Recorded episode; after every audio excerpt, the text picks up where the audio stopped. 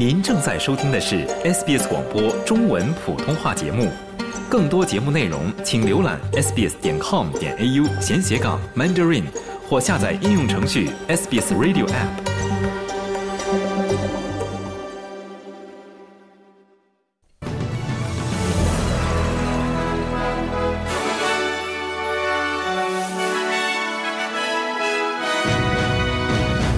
克兰称成功击落三十架俄罗斯无人机。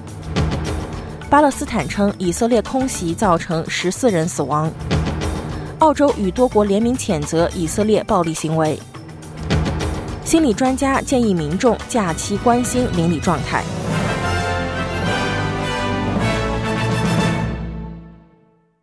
以下是新闻的详细内容。乌克兰空军表示，昨天击落了三十一架俄罗斯无人机中的三十架。这些无人机的目标是乌克兰全国十一个地区。乌克兰空军表示，俄罗斯军方向乌克兰中部、北部和南部发射了伊朗制造的沙赫德无人机。目击者称，当乌克兰防空部队与俄罗斯无人机交战时，基辅上空响起了一连串的爆炸声，夜间防空警报持续了五个小时。基辅军事管理部门负责人波普科表示，这是本月针对乌克兰首都基辅的第六次袭击。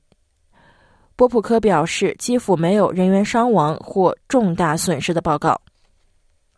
据巴勒斯坦媒体报告。以色列对加沙两处民宅的空袭造成至少十四名巴勒斯坦平民死亡，另有数十人在另一次空袭中丧生。这些死亡事件发生前不久，美国敦促以色列更加精准地打击哈马斯。美国国家安全顾问沙利文周四访问了以色列。他告诉记者，战争正在过渡到一个旨在减少平民死亡的新阶段。Innocent people's lives should be sacred and protected. It's also a strategic question for Israel, and I think. 无辜人民的生命应该是神圣的和受到保护的，这对以色列来说也是一个战略问题。我认为以色列不仅承认这一点，他们还非常明确地表示。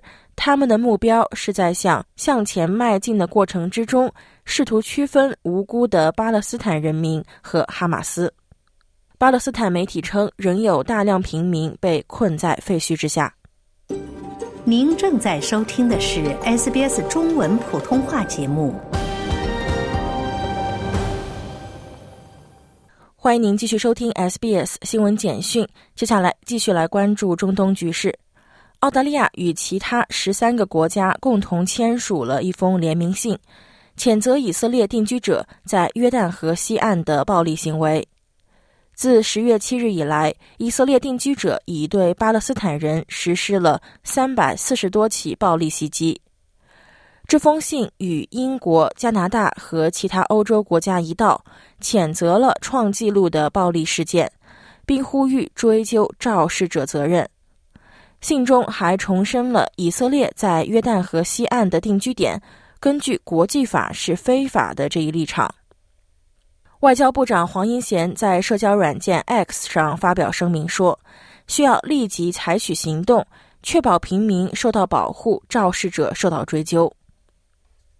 由于孤独、悲伤和压力预计会增加，心理健康专家建议居民在这个假期。多加关心邻居的状态。新南威尔士州卫生部建议，对于可能独居、丧亲或与家人分离的人，要多加关心。新州首席精神病学家赖德博士表示，并不是所有人都能快乐地度过节假日。赖德博士表示，一些友好的善举对那些经历过孤独或心理健康问题的人来说会很有帮助。Acknowledging our neighbors. Wishing them a, a happy Christmas and asking them what the year's been like and what their plans are can open 感谢我们的邻居，祝他们圣诞快乐。问问他们这一年过得怎么样，有什么计划，可以打开话题，更有意义的讨论他们可能面临的一些挑战。但是，即使不是这样，与他人分享善意，也是你所能给予的最重要的礼物之一。表现出真正的兴趣，关心他人生活之中所发生的事情，倾听他们的想法，分享一些时间，这些都会带来巨大的不同。如果您或您认识的人需要帮助，请拨打 Beyond Blue 电话一三零零二二四六三六或生命热线 Lifeline 电话一三一一一四。来关注一下国际货币市场。截止到澳大利亚东部夏令时早上的六点五十五分，在国际货币市场上，一澳元可以兑换零点六七零美元、四点七五九人民币、五点二三一港币以及二十一点零四六新台币。新闻节目最后再来看一下全国各主要城市今天的天气情况。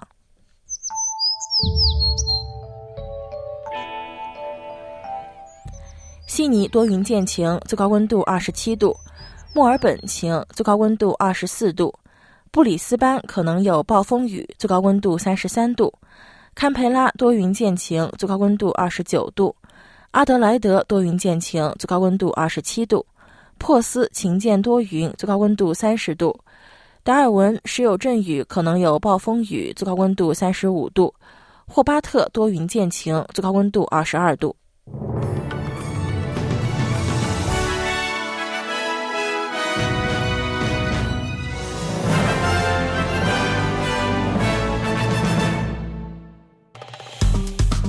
喜欢、分享、评论，欢迎您在 Facebook 上关注 SBS 普通话页面。